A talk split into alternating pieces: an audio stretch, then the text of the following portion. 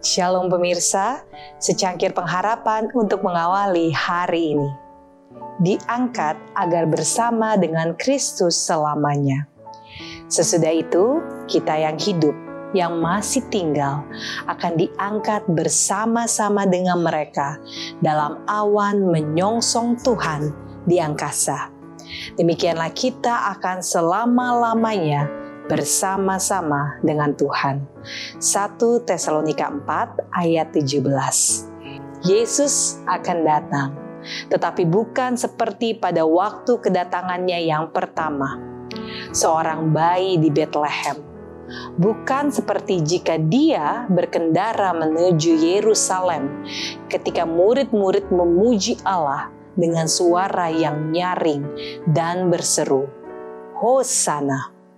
Melainkan dalam kemuliaan Bapa dan dengan segenap malaikat suci mendampingi dia dalam perjalanannya ke bumi.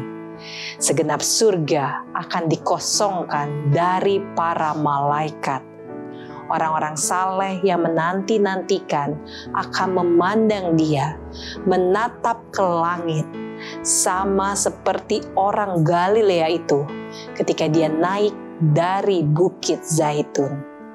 Pada waktu itu, hanyalah orang-orang suci, orang-orang yang telah menurut sepenuhnya sang teladan yang lemah lembut itu, yang akan berseru dengan sukacita besar ketika mereka memandang Dia.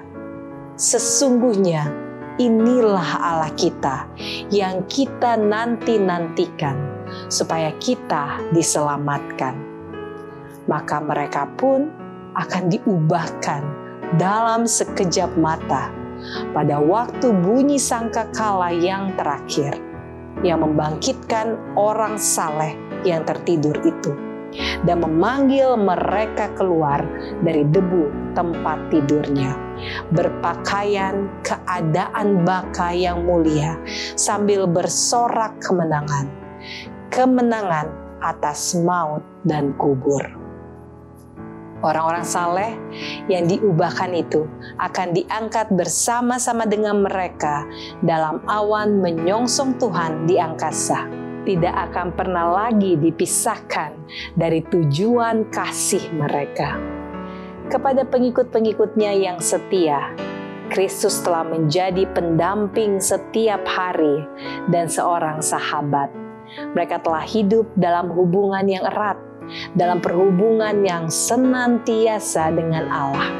Kata mereka itu telah bangkit kemuliaan Tuhan. Pada mereka itu, terang pengetahuan kemuliaan Allah dalam wajah Yesus Kristus telah direfleksikan.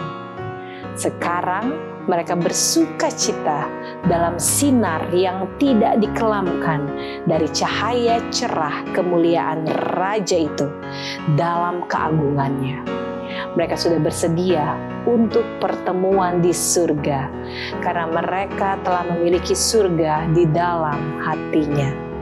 Dengan sukacita besar, karena penebusannya yang segera, mereka pergi keluar untuk bertemu mempelai pria itu sambil berseru, "Sesungguhnya inilah Allah kita." yang kita nanti-nantikan supaya kita diselamatkan.